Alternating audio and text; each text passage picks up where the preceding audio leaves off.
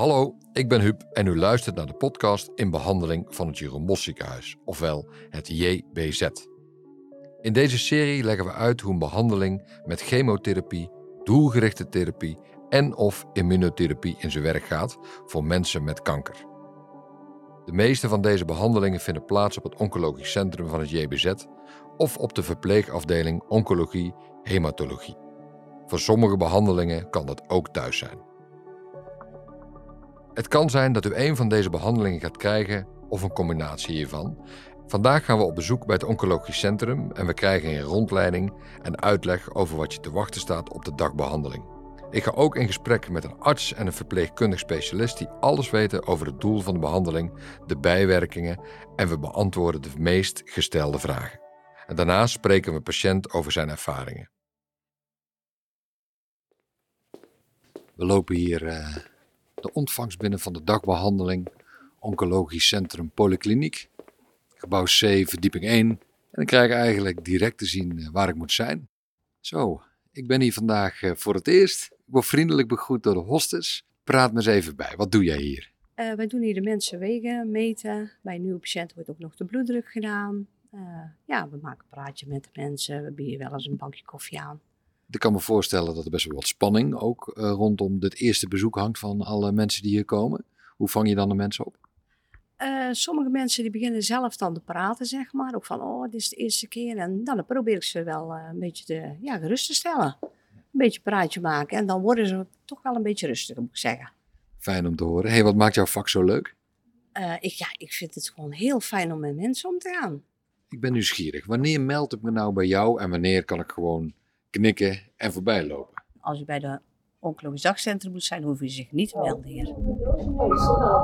Ja, we staan hier bij de balie van het oncologisch centrum. Ja. Uh, wat kunnen jullie voor de patiënt betekenen hier? Heel veel. Uh, de patiënt meldt zich natuurlijk voor de chemokuur, wat voor een patiënt ook altijd spannend is, zeker voor de eerste keer. Daarom lopen we de eerste keer ook altijd mee en heeft de patiënt, zeg maar, als die vaker is gekomen, keuze tussen een eenpersoonskamer of een meerpersoonskamer. Waar op meerpersoonskamer ook nog de keuze is tussen een bed en een stoel. En uh, ja, wij proberen wel zoveel mogelijk aan de wens van de patiënt te voldoen. Dus je hebt een paar handelingen die je moet verrichten die sowieso moeten, omdat ze administratief zijn, denk ik. Maar jullie helpen ook geruststellen, uh, op weg helpen en dat soort zaken. Zeker, zeker waar. Want wij zorgen dat we de patiënten de naam en de geboortedatum natuurlijk uh, controleren voordat we ze doorsturen. Uh, en we maken bij patiënten die we natuurlijk al vaak gezien hebben ook altijd wel even een praatje hoe het met ze gaat. En ja, we begeleiden ze daar wel in, zeg maar. Dus de geruststelling daar is er zeker, ja.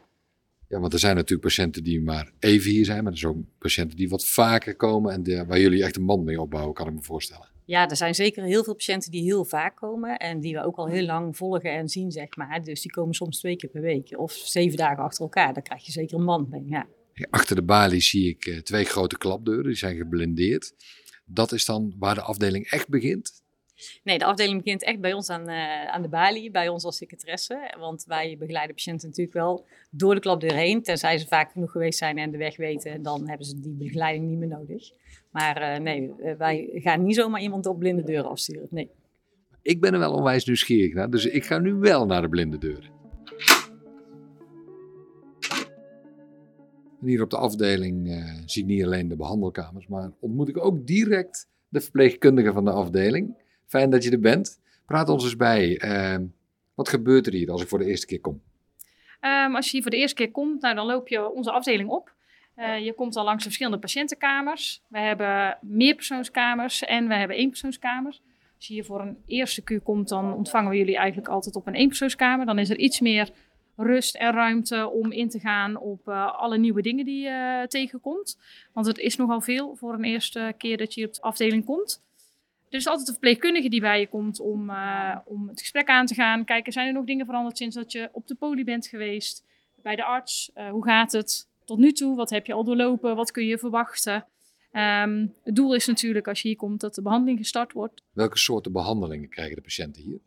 Onze patiënten krijgen hier op de afdeling uh, chemotherapie, doelgerichte therapie of immunotherapie. En dat kan uh, een van die uh, drie vormen zijn, maar dat kan ook een combinatie van middelen zijn uit deze behandelgroepen. Maar daaromheen spelen er gewoon nog heel veel meer dingen en daar is dan alle tijd en aandacht voor. En dan neemt de patiënt plaats in een bed of op een stoel en dan? Wat gebeurt er dan? Nou, vooral bij een eerste kuur hebben wij meer tijd voor onze patiënt. We gaan eerst uh, samen eens kijken hoe gaat het nu met u en met de naaste. Hoe kom je hier binnen? Hoe start je de dag? Uh, is het een moment van spanning? Zie je je tegenop? Wat zijn prangende vragen? Um, en daarna neem ik vaak met de patiënt een agenda door. Wat verwachten we, mag u van mij verwachten vandaag? Wat gaan we doen? Het doel is natuurlijk de behandeling krijgen. Maar vooraf zijn daar heel veel vragen uh, die vaak al bij een verpleegkundig specialist besproken zijn, maar soms toch nog onduidelijk. Uh, daar gaan we vaak eerst op in. Daarnaast zijn er veel dingen die belangrijk zijn uh, voor een patiënt om te weten, die ook al op een poli besproken zijn, maar er komt zoveel op patiënten af. Wij gaan belangrijke dingen nogmaals doorspreken. Dan gaan we starten met de behandeling. Vaak is dat via een infuus. Dus dan zal er een infuus geprikt worden en dan gaan we de medicijnen laten lopen via het infuus. Soms is het ook via een injectie subcutaan, dus een, prikje onder de huid. Um, dus afhankelijk van wat voor behandeltoedienvorm dat er is, uh, gaan we de behandeling starten. En kan ik tussentijds, als het infuus loopt, lekker een boekje lezen of een podcastje luisteren of muziekje aanzetten? Kan dat? Ja, zeker. Ja, zeker. Vooral een eerste kuur heb je alle ruimte en rust op een uh, eenpersoonskamer. Maar ook op de meerpersoonskamer is daar uh, alle ruimte voor. Uh, als er een infuus toediening is, dan staat die gewoon op wieltjes. Dus die kan lekker mee. Dus er is alle vrijheid om naar het toilet te gaan. En verder um, wordt er hier altijd gezorgd voor iets te drinken. Um, rondom lunchtijd is er iets te eten. En um, dan is de invulling aan de patiënt hoe dat ja, wat fijn is. En de een leest een boekje, de ander uh, vindt het lekker om een muziekje te luisteren. De ander gaat graag het gesprek aan met andere patiënten. Um, of heeft zelf heel gezellig gezelschap bij. Dus ja, op zich ben je daarin nog heel erg vrij. Want ik mag altijd iemand meenemen hier op de afdeling? Ja, ja we hebben de afspraak dat er altijd één iemand uh, mee mag komen. En um, die uh, wordt door ons ook ontvangen als gast. En is zeker welkom bij, bij de behandeling. Ja. Jullie houden in de gaten wanneer uh, mijn behandeling bijna klaar is of helemaal klaar is. En dan? Als de behandeling klaar is, dan, uh, dan mag je weer lekker naar huis toe. Bij een infuustoediening uh, geeft het infuus meerdere keren alarm tijdens het inlopen. Dat zijn altijd voor onze signalen dat we iets moeten doen. Dat het infuus over moet naar een volgend, volgend middel. Ja, verder ben, je, ben je daarna, als het allemaal klaar is, weer vrij om naar huis toe te gaan. Ik zie nog meerdere collega's van jou die hard aan het werk zijn. En ik zie ook mobiele uh, computers staan. Hoe werkt dat? Ja, dat klopt. Uh, dat zijn onze COWS, Computer on Wheels. ja, daar kunnen we eigenlijk uh, niks meer zonder. Die zijn voor ons, onze naslag, onze controle bij de patiënt. Hebben we de juiste medicijnen volgens het recept. Um, maar ook het stukje, wat is er tot nu toe al geweest? Wat is er met de arts besproken? Dat kunnen wij daarin allemaal zien voorbereiden. Bij vragen vanuit de patiënt kunnen we daar uh, van alles in opzoeken. Dus dat is een beetje ons externe geheugen. En ja, die gaan, die gaan echt van patiënt tot patiënt mee. Mooi. Ik, ik, ik, ik voel ook een bepaalde rust hier, maar ik voel ook een bepaalde ontspannenheid op de afdeling. Terwijl het wel heftig is waar we mee te maken hebben. Ja, ja weet je, de situatie waar onze patiënten in zitten, die kunnen wij niet veranderen. En uh, wij zijn er voor alle adviezen, tips, uh, uiteraard ook het toedienen van de behandeling, want dat is het doel als, uh, als ze hier op de afdeling komt.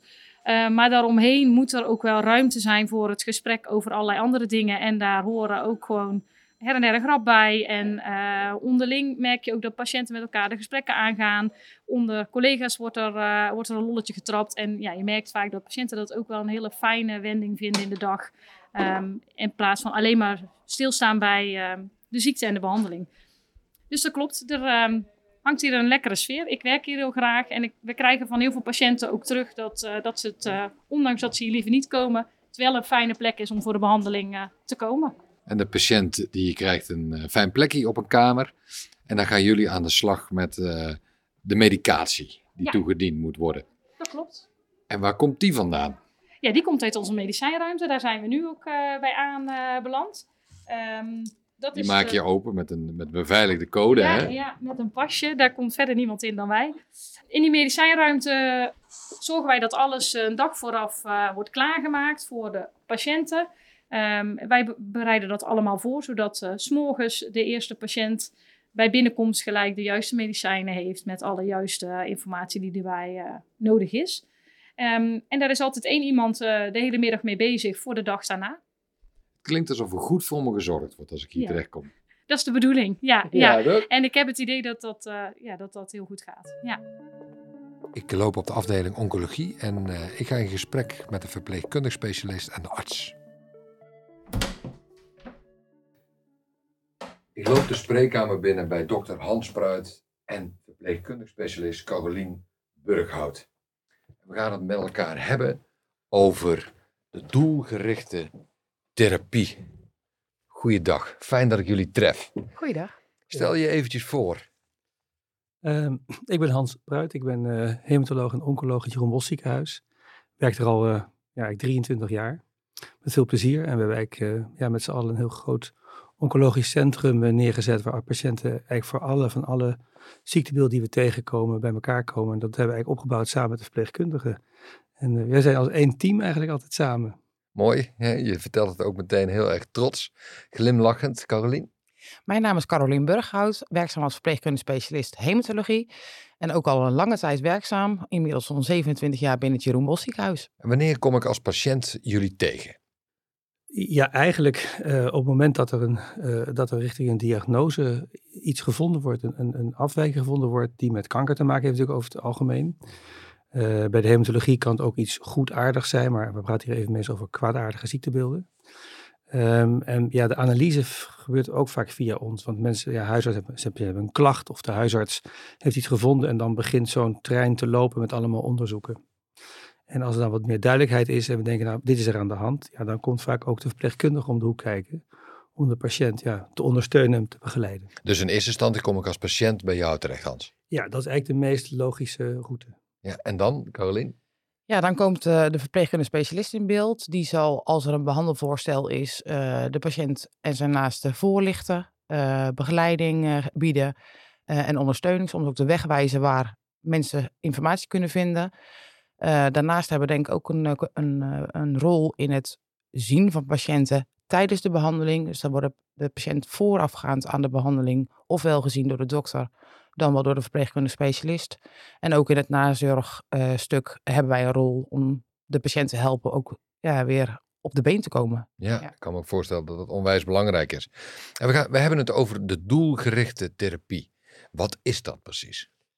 Ja, dat is een beetje een, een, een containerbegrip, een beetje een algemene term. Maar het betekent eigenlijk waar we voorheen met name alleen maar chemotherapie hadden, waarbij dus eigenlijk een soort bom werd gelegd en de cel kapot werd gemaakt, is de loop van de jaren steeds duidelijker geworden dat, dat wat er fout gaat in een kankercel. En als je bedenkt, de meest belangrijke ontdekking is geweest in 1960, is ooit ontdekt dat er een bepaalde afwijking, een bepaalde chronische leukemie voorkomt, bepaalde chromosoombreuk, breuk in het gen. En toen er een eiwit tot expressie komt, toen wisten ze eigenlijk al wat er fout was, maar het heeft tot 2001 geduurd, dus zoveel jaar later, dat een medicijn specifiek voor dat ene foutje is gemaakt en ook echt werkt. Dat is echt spectaculair. En sinds die tijd zijn er steeds meer medicijnen bijgekomen die weten, die precies één aangrijping in de cel hebben. Heb je eigenlijk twee vormen. Je hebt uh, zeg maar kleine pilletjes, kleine medicijnen die, die je in kan nemen, die je kan, kan slikken. Die gaan dan specifiek in de cel naar iets toe. En je hebt ook op de cel heb je allerlei kenmerken zitten. En daar kan je dan een antistof tegen maken een antilichaam, die dan mhm. ook dat remt of stimuleert of wat ook maar. En die moet je dan vaak via een infuus geven de dagbehandeling. En die beiden kunnen ook gecombineerd worden. Ja, geven steeds beter specifieke behandeling van kankercellen. Ja, en dus, voor, dus als, ik, als ik de pil, het pilletje krijg, dan zie ik jullie niet of zo? Kan ik dat gewoon ophalen bij de apotheek? Nou, dat krijg je natuurlijk niet zomaar mee, uh, want vooraf aan elke nieuwe cyclus wordt je beoordeeld of de behandeling ook door kan gaan. Want soms heb je toch bijwerkingen waardoor je de behandeling moet bijstellen. Uh, of de dosering wat moet aanpassen of zelfs even moet onderbreken. Dus je ziet altijd voorafgaand aan zo'n nieuwe cyclus weer een van ons. Ja, oké. Hebben, hebben we dan te maken met een dagbehandeling of hoe ziet dat eruit?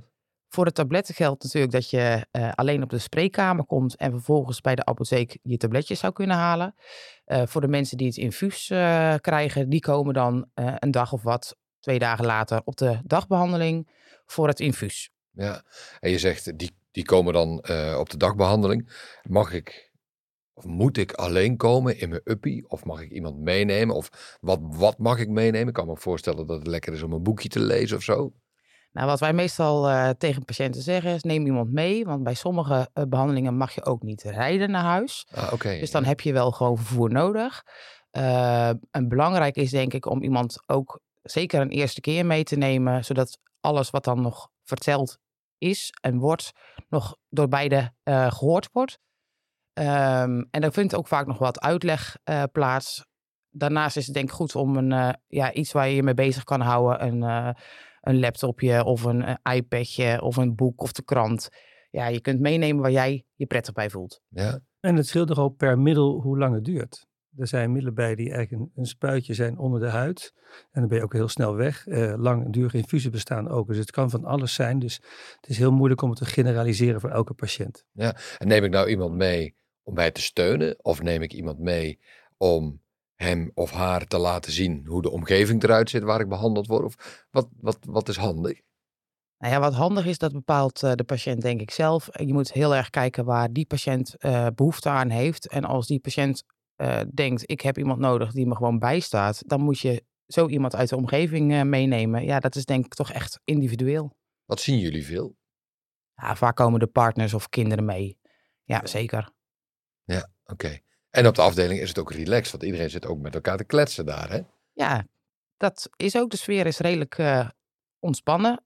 Vaak als je ook wat, la- ja, wat vaker al bent geweest, dan ontstaan daar ook leuke contacten onderling eh, met patiënten. Maar goed, voor de eerste keer is het natuurlijk enorm spannend. Je Ja. weet niet wat je kan, eh, ja, kan verwachten. En dan, eh, ja, dan is het misschien wat minder ontspannen voor jou. In ja, dat dat geval. snap ik. Nee, dat snap ik helemaal. Hoe weet ik nou of mijn behandeling werkt, Hans? Eh, nou ja, dat, dat wordt bepaald door afhankelijk van het ziektebeeld. Je hebt eh, tumoren die groeien in, en die op een scan te zien zijn. En dan ga je natuurlijk na een tijdje kijken of die tumoren kleiner worden. Maar je hebt ook bepaalde tumoren die je juist in het bloed goed kan zien. En dat kan je dan meten in het bloed. En zo kan je afhankelijk van de type tumor eh, en, ziekte, kan je eigenlijk op verschillende manieren dat dan, eh heet dan monitoren, bekijken wat er aan de hand is. En dan moet je natuurlijk de bijwerkingen meenemen. En dan meestal, wat we meestal doen, dat na een x aantal, dus een aantal kuren, ga je het evalueren. Je gaat kijken wat is, hoe is het medisch gegaan. Hè? Nou, wij kunnen buitengewoon tevreden zijn over wat we gepresteerd hebben. Maar hoe heeft het met de patiënt gegaan? Want misschien is voor de patiënt toch te veel geweest. Of eh, valt het tegen? Had hij andere verwachtingen? En dan kan het zijn dat je wat bij moet sturen. Of dat wij zeggen, ja, dit, dit werkt, werkt wel mooi, maar dit is gewoon toch te giftig. Dan moet je het ook weer bijsturen. En zo probeer je met de patiënt samen, de verpleegkundige samen, eigenlijk dat ja, te, te begeleiden. En als je zo doelgericht werkt, is dan eh, het automatische gevolg dat de bijwerkingen ook minder zijn? Over het algemeen eh, wordt wel gedacht dat je bij doelgerichte therapie natuurlijk minder bijwerkingen eh, hebt dan bij chemotherapie. Wat Hans net ook al zei, ja, chemotherapie is een soort eh, ja, schieten in het wild en hopen dat je iets raakt. Terwijl de doelgerichte therapie natuurlijk toch eigenlijk de sluipschutter is in de behandeling. Mhm. Maar dat wil niet zeggen dat er geen schade optreedt aan gezonde cellen. Dus je krijgt eh, afhankelijk van welk middel je krijgt, ehm, eh, kun je bijwe- bijwerking wel ontwikkelen. Het is belangrijk om te weten dat het, ook al tref je mensen ook met doelgerichte therapie, het is vaak appels met peren vergelijken, omdat het zo specifiek is binnen verschillende eh, ziektebeelden. Ook daar kan dan nog verschil in zitten in een doelgerichte therapie. Dus het is Ja. altijd wel belangrijk om, om bij je eh, behandelaar of je verpleegkundige specialist die informatie ook tot je Ja. te nemen. Wat, wat, wat zijn bijwerkingen? Noem er eens een paar. Ehm, nou ja, de meest voorkomende natuurlijk misselijkheid en braken. Nou, dat is natuurlijk bij lastig als je natuurlijk pillen moet slikken. Dus daar moet je iemand goed op voorbereiden medicijnen geven.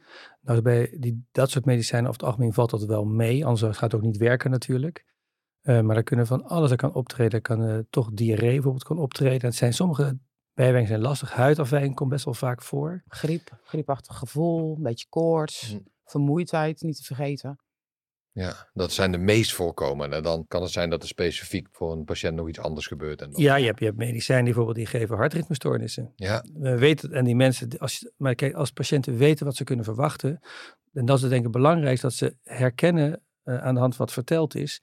En het probleem vaak in het begin is, het is allemaal nieuw voor ze. Dus wij kunnen dat vertellen. Nou ja, dat is, dat is zoveel informatie, dat is gewoon niet te doen. Maar ze moeten het wel weten, want ze moeten thuis niet angstig worden als iets gebeurt. Want ze zeggen, oh, dat hadden ze me verteld, onhandig, moet ik contact opnemen. En dan moet ik de verpleegkundige bellen. ja. Of dat mensen denken, ja, het hoort erbij of het zal er wel bij horen en dan niet aan de bel trekken. Maar uiteindelijk eh, dan met eh, ja, soms verregaande consequenties wel op een, eh, op een eerste hulp belanden. ja, snap ik. Ja. Dus het is belangrijk dat mensen in ieder geval tijdig eh, met ons bellen. Wij zeggen soms wel eens liever één keer te veel als één keer te weinig.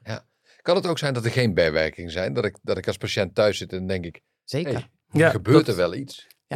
Dat komt best vaak voor. En de mate van het hebben van bijwerkingen zegt niks over het slagen van de therapie. Ah, Oké, ja, dat is ook wel fijn om te weten. Toch? Ik kan me voorstellen dat ik wat onrustig word thuis Dat geldt als ik ook- geen bijwerkingen heb. Ja, geldt overigens ook andersom. Hè? Dus als je veel bij, bijwerking hebt, wil ook niet zeggen dat de therapie dus altijd Ah, ja, slaagt. ja. En wat wel belangrijk is, dat, dat het bijna nooit tot kaalheid leidt. Wat natuurlijk voor veel patiënten toch een, een bijwerking is die misschien medisch wat minder relevant is, maar voor patiënten ook wel een enorme impact heeft. Ja. Ja. maar het is wel belangrijk om daar. Soms zie je dat doelgerichte therapie in combinatie wordt gegeven met chemotherapie. En dan valt de kaalheid eh, wellicht wel eh, eh, tot de bijwerkingen. Ja, snap ik. Oké. Hey, wat, wat, jullie praten veel met, met patiënten. Hè? Je bent niet alleen maar aan het handelen, medisch aan het handelen. Wat zijn nou vragen die eigenlijk wel gesteld moeten worden, maar bijna nooit gesteld worden? De vraag die je niet durft te stellen. Ja, dat is eigenlijk, ehm, hoe is mijn toekomst? Want dat is natuurlijk onzeker. Kijk, we hebben natuurlijk wel goede medicijnen, maar het zijn allemaal medicijnen die de, als het ware over het algemeen de ziekte uitstel geven en dat je er een tijd mee kan leven. En dat wordt wel steeds beter, maar heel veel van die ziektebeelden kan je toch niet genezen. Dus dat is toch onzekerheid. En dat is denk ik voor mensen heel erg lastig. En wij weten dat ook niet precies. Ja, we weten ongeveer gemiddeld, maar ja, we kunnen geen statistiek doen op één patiënt. Nee. Zo werkt dat niet. Dus dat is een van de veel komende dingen, denk ik. Ja, en ik denk dat seksualiteit ook wel in de spreekkamer nog onderbelicht eh, blijft. Dat Mhm. vinden mensen natuurlijk toch lastig om te bespreken. En ook behandelingen kunnen daarop eh, van invloed zijn. Maar dat, eh, dat vinden mensen toch eh, ja, een soort taboe, Ja, of taboe, een ja. gêne. Ja. Ja, en dat willen ze ook, dat is ook dan niet bespreken, want Ja. hè, dat is nu even, ondergeschikt. is nu even niet belangrijk. Ja, precies. Ja. Terwijl het misschien wel belangrijk Ja. is. Ja, Ja. Wat natuurlijk kwetsbaar is, hè, als, het is voor zowel voor de patiënt als voor de dokter of voor de patiënt en de verpleegkundige het beste als ze allebei tevreden zijn. Ja. Dus je hebt de neiging om elkaar positief te benaderen, waardoor dingen blijven liggen die misschien toch on, er, er wel zijn. Ja, daar zit dus, er lijkt een taboe op te zitten. Nou, bij de een wel, bij de ander niet. Ehm, wat zijn nou gemakkelijke gespreksstarters als het om kanker gaat? Met je omgeving, eh, met je vrienden, met je partner. En je bedoelt dan om te zeggen... eh, Hoe bespreek ik het? Hoe bespreek Ja. ik het? Ja, daar is denk ik geen eenduidig advies. Ook wat dat is eh, individueel denk ik wel be- bepaald. Of ehm, ik denk wel dat het kan, je enorm kan helpen eh, door je omgeving er wel bij te betrekken. Eh, kanker heb je nooit alleen. En eh, van mensen om je heen kun je denk ik ook steun krijgen. in praktische zin, maar ook in emotionele zin. Ehm, ja, dus mijn voorstel zou, of mijn advies zou, zou eigenlijk zijn aan patiënten. Ja, bespreek het, leg het gewoon neer en kijk hoe de ander daarop reageert. En zeg vooral wat je bezighoudt. Ja, precies. Dus, dus ben transparant over wat Ja. je doormaakt. Nou ja, En wat ook een, soms moeilijk is, is met kinderen. De leeftijd van de kinderen, dat is vaak voor verpleegkundigen denk ik best wel, eh, ook wel lastig om Mhm. goed te doen. Want alle kinderen in een andere leeftijdscategorie natuurlijk anders reageren en ouders hun kinderen willen beschermen. En bedoel je dan, Hans, dan de, dat de ouder eh, op dat moment kanker heeft? Ja, dat bedoel ik. Ja, ja, precies, ja. En, en hoe ga je daarmee om? En ze willen hun kinderen beschermen. Die kinderen zijn natuurlijk, die zijn ook niet gek. Die zien wel dat er iets niet klopt. Dus dat is soms best wel... Nou, zeker voor de kleine kinderen, die fantaseren dan ook heel erg. Hè? Want die hebben dan eh, op school natuurlijk gehoord dat een opa en oma van een vriendje dood is. eh, Ja. En horen dan hè, het woord kanker en associëren dat meteen. hey, dat verhaal hè, van, eh, van mijn Mhm, vriendje. mhm. Voor pubers is dat natuurlijk weer een hele andere aanpak. Ik denk dat het belangrijk is dat we daar in openheid ook over spreken. En dat we dan kunnen kijken welke zorg het meest passend is. Want er zijn wel echt voldoende eh, aanbod om eh, patiënten daar ook goed bij te ondersteunen. Ja, en dat kunnen jullie, dat aanbod kunnen jullie Ja. geven. Ja. Of in ieder geval bespreekbaar maken. Of in ieder geval de weg wijzen waar je dan hulp kan, zou kunnen halen. En Ja, daar is voldoende van te vinden. Zeker. Misschien even terugkomt die onzekerheid over de toekomst. Daar heeft Caroline eh, heel veel werk in gestoken om patiënten daarin ja, te helpen. Te voorkomen dat je ineens gaat het niet goed of zo. Terwijl je dat heel lang al ziet aankomen dat het gaat komen, dat moment. Nou, ik denk dat er heel veel onderzoek naar gedaan is om ja, dat eerder in een eerdere fase eh, ja, de aandacht voor te hebben. Ja, daarop aansluitend is het denk ik eh, belangrijk eh, om ja, te bespreken met de patiënten hoe een toekomst eruit zou kunnen zien, wat ze kunnen verwachten, zodat zij zich ook al kunnen voorbereiden op die periode die komt. En voor de een pa- patiënt lukt dat wel, de andere vindt dat heel erg lastig. En dat is altijd zoeken naar een gulden middenweg, maar ook praten over eh, ja, de dood, en Mhm, die mhm. eh, bij kanker natuurlijk toch vaak eh, speelt, is belangrijk om je ook goed afscheid te kunnen laten nemen van het leven. Ja, ja. En dat is ook wat we veel bespreken in de spreekkamer. En is dat heel realistisch kijken naar de situatie eigenlijk? Dat is realistisch kijken. En de een kan dat soms makkelijker als de ander. En daar moet je denk ik als hulpverlener op aansluiten. Uh, en daarmee ook in de tijd dat ziekte vordert, uh, veranderen ook uh, dat soort aspecten. Dus ja, soms willen patiënten in het begin het er niet over hebben, maar weten wel dat de opening er is. En dan komen zij daar toch mee of je nodigt ze nog een keer uit. Ja, ja mooi. Het is dus veel meer dan alleen de behandeling. Er komt veel meer bij kijken. En er wordt veel meer geboden ook. Uiteraard, want het gaat uiteindelijk om de mens en niet om de ziekte. En het is ook heel erg wisselend, hè? want we hebben zeker bij de hematologie ongelooflijk veel verschillende ziektebeelden met heel veel verschillende verwachtingen. Er zijn een aantal die je gewoon echt kan genezen. Met een, hè, dus, en er zijn ook bij de, waarbij dat niet lukt, waar mensen toch echt wel heel veel jaar kunnen leven. Dus ja, het is echt wel de moeite waard om goed te investeren, want die tijd die ze hebben is natuurlijk kostbaar en die moet natuurlijk zo goed mogelijk worden ingevuld. Ja. Tot slot, welke tip zouden jullie iedere patiënt mee willen geven? Stel je vragen. Ja dus hou het niet achter, want we hebben soms niet door dat wat er speelt. Terwijl misschien met, met een eenvoudige uitleg of iets mensen best wel kunnen helpen. En we hebben het dan toch niet in de gaten gehad of hebben niet goed doorgevraagd. Want het is altijd de vraag, had je dat niet eerder moeten zien? Dat zou mijn uh, persoonlijke tip zijn. Ja, daar sluit ik me wel bij aan. En ook deel wat je je bezighoudt. Dat is denk ik ook belangrijk, zodat we zo goed mogelijk kunnen aansluiten bij wat jij nodig hebt. Dankjewel voor dit uh, hele fijne gesprek. En jullie gaan weer uh, snel door richting de patiënt. Want daar draait het allemaal om. Hè? Ja, dankjewel. Dankjewel. Dank u.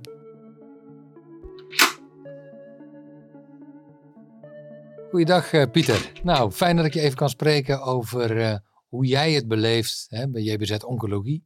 Ik vind het fijn als je even iets over jezelf vertelt. Wie, wie heb ik voor me? Ik ben uh, Pieter van der Zijl. Ik ben op het moment 62 jaar. Ik ben inmiddels twee jaar onder behandeling en ziek. En van daaruit uh, langzaamaan uh, steeds verder gegaan met, uh, met de behandeling en eh, kijken waar we heen gaan. Ja, nou fijn, fijn dat ik even met je in gesprek kan gaan. Want ik kan me voorstellen dat het twee jaar geleden best schrikken was even. Het was heel erg schrikken. Zeker omdat ik vanuit de achterkant binnengekomen ben. Wat bedoel je daarmee, de achterkant? Nou, ik, ben, ik dacht dus dat ik ziek was van de griepspuit. Mm. En vanuit de griepspuit klaarde het niet op en ging het niet beter. Ah, Oké, ja. En mijn partner op een gegeven moment heeft gezegd van uh, je gaat nu naar de, naar de huisarts toe. En toen lag ik dus binnen een uh, kwartier uh, in het ziekenhuis, in het Jeroen Bos ziekenhuis. Ja, dat moet schrikken geweest zijn. Dat was heel erg schrik. En maar toen hebben ze ook meteen vijf zakken bloed moeten geven omdat alles compleet weg was. Goh. En dat wist ik dus niet. Nee, dat snap ik. Toen kreeg je te horen dat je kanker had. Nou, in eerste instantie niet, want toen hebben ze allerlei onderzoeken gedaan, mm. uiteraard, om te kijken van waar komt het vandaan. Mm. En allerlei tests. En daar zijn ze eigenlijk uh, binnen 10, 14 dagen achter gekomen en heb ik deze uitslag gekregen dat ja. het uh, kaler geworden is, of ja. was en is. Ja. Dat is pittig. Dus ja, dat doet heel veel met je. Zeker geestelijk doet het heel erg veel. Mm. Want daar staan de mensen dus absoluut niet bij stil. Wat doet het met je en wat, wat kun je daarover zeggen voor jezelf, maar ook misschien voor anderen? Je krijgt er een hele, hele grote klap mee om het, het te verwerken, omdat je het niet verwacht. Want je mm. gaat mee in andere instantie na, in, uh, intentie naar het uh, Jeroen Bos ziekenhuis, mm. in de hoop dat er iets anders aan de hand is. Ja, ja. En dat was in dit geval niet. En ik heb nu wel meegekregen dat het eigenlijk heel, heel erg belangrijk is om gewoon erover te praten en heel veel goede en lieve mensen om je heen te hebben. Ja, ik kan me voorstellen. En zeker je partner, dat je overal over kan praten en overal over kan hebben, want het overkomt jou. Ja. Maar het kom, overkomt ook de partner en de mantelzorger in dit Ja. geval. En is, is dit dan eigenlijk al een tip die je aan iedereen mee zou willen geven? Ja. Ben er open over, zoek fijne mensen om je heen. Sowieso. Ja, echt. Het is zo verschrikkelijk belangrijk om hele goede mensen om je heen te hebben. Mhm. En vooral niet ziek te zijn. Want Mhm, ik mhm. ben degene die ook niet ziek wil zijn. En ik hoop altijd dat het niet aan de buitenkant te zien is. Want daar vind ik eigenlijk het allerbelangrijkste. Ja. En dat je gewoon overal over praat en het erover hebt. En dat gaat met een lach, maar zeker ook met een traan. Ja. Want er zijn echt hele slechte dagen bij. En dan zeg ik altijd, daar hoeft een ander niet mee te krijgen. Dat is voor ons samen. Precies, maar dan is het wel fijn als je op iemand zijn schouder kan leunen, begrijp ik. Ja, ja.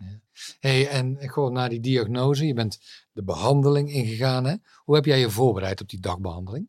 Nou, in eerste instantie gewoon eigenlijk helemaal niet. Hm. Gewoon het over je heen laten komen. En langzaamaan eh, de weg gaan zoeken en kijken waar je tegenaan gaat lopen.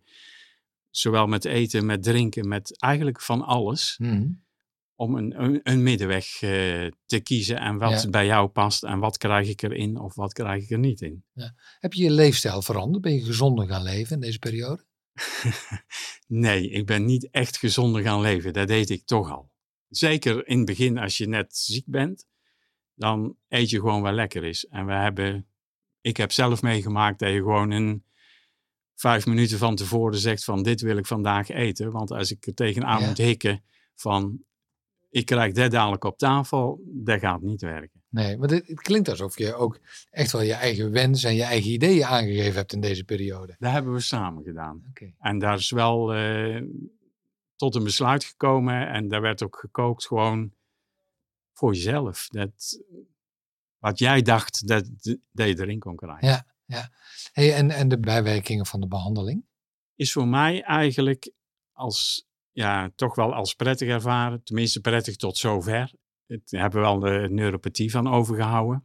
Mhm. Wel wat vermoeidheid, zeker in het begin. Dan krijg je dus wel heel veel vermoeidheid. En daar ben ik nu wel achter gekomen dat je heel goed naar je lichaam moet luisteren en eraan toegeven. En dat was voor mij de knop die heel erg moeilijk om te zetten is, omdat ik door wil. Ja, maar de- met dat doorwillen, dat lijkt me ook een hele goede eigenschap. Maar ging je waarschijnlijk ook over de grens heen.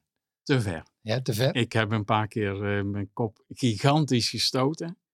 Maar dat gaf mij een dusdanige voldoening om een keer op eh, onderuit te gaan. En ik weet waar ik het voor gedaan heb, zei. Het was mijn reactie dan altijd. Ja. Dat zijn anderen van, ja, dat wist je al van tevoren. Ja, dat wist ik van tevoren, maar ik probeer het wel. Ja, precies. Is dat ook het advies van de arts?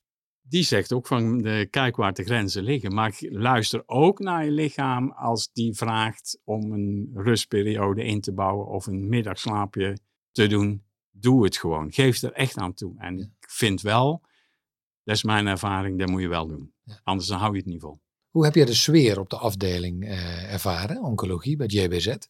Ja, daar kan ik alleen maar eh, zo'n eh, lovende woorden naartoe Oh ja? doen. Dat is, dat onvoorstelbaar. Het, het ontvangst en, en het omgaan met de mensen, het sociaal gebeuren. Je vaste team te zien die er elke keer staan. De patiënten die er komen, die je ook vaak elke week ziet. Of zeker in het begin als je elke week gaat. Ja, dat geeft een, een heel stuk rust. En dat is voor mij heel, heel erg fijn in elk geval. En we kunnen overal over praten. Ja, zijn, er, zijn er vragen die je, die je achteraf gesteld had willen hebben? Of heb je altijd de openheid gevoeld om alles te vragen wat je wilde? Wij hebben altijd alles gevraagd, of dat nou de specialist was, of de verpleegkundige, of op de afdeling. Ik heb alles gewoon voorgelegd, want het is en blijft mijn lichaam. En ik wil weten wat er gebeurt en wat de gevolgen zijn en waarom iets gegeven wordt. Ja, alle lof naar Jeroen Bos. Echt, ik ben daar zo ontvangen dat ik, ja, Zou er niet meer weg willen? Nou, ze hebben, mij, ze hebben mij aangeboden om de spuiten via de thuiszorg te doen. En daar heb ik dus eh, compleet tegengehouden. Omdat ik het na het ziekenhuis ook een stukje sociaal gebeuren vind en ontvangst. En gewoon, ja, je, wij mogen het niet gezellig vinden, maar zo komt het bijna over. Ja, maar hoezo mag dat niet? Ja, voor, voor jezelf heb je dat Ja, ja. een beetje. Maar het, gebeurt wel. En ja, ik vind gewoon ook sociaal van hoe gaat het met jouw kinderen? En ben je weer terug van vakantie? En ja, daar zijn gewoon de leuke dingen. En het sociaal gebeuren, dan voel je de spuit ook minder. En Snap ik. Ja. ben je toch iets meer ontspannen als je opgevangen wordt. ja, dus het heeft een hele fijne functie eigenlijk. Ja. Ondanks dat de aanleiding triest is. Triest is. Ja. Als je nog één tip zou mogen geven aan je medepatiënten, wat, wat zou dat dan zijn? Stel in elk geval alle, alle vragen die je hebt, want het is en blijft jouw lichaam en ga daarvoor. En blijf positief, ondanks dat het heel erg moeilijk is en moeilijke dagen hebt. Maar maak er het allerbeste van en zeg nooit van, dat doe ik later. Want daar word ik dus heel erg boos over. Want komt later, doe het nu. Dankjewel. Ik, ik vond het een prachtig gesprek wat we met elkaar eh, gehad hebben. Dus enorm bedankt, eh, Pieter. Eh, ik ga er wel bij zeggen dat het natuurlijk jouw verhaal is. En iedereen beleeft zijn of haar ziekte natuurlijk op een andere manier. Maar ik vind het heel inspirerend wat je, wat je meegegeven hebt. Dus dank je wel daarvoor. Graag gedaan. Ik vond het heel leuk om mee te werken en vond een heel fijn gesprek over en weer.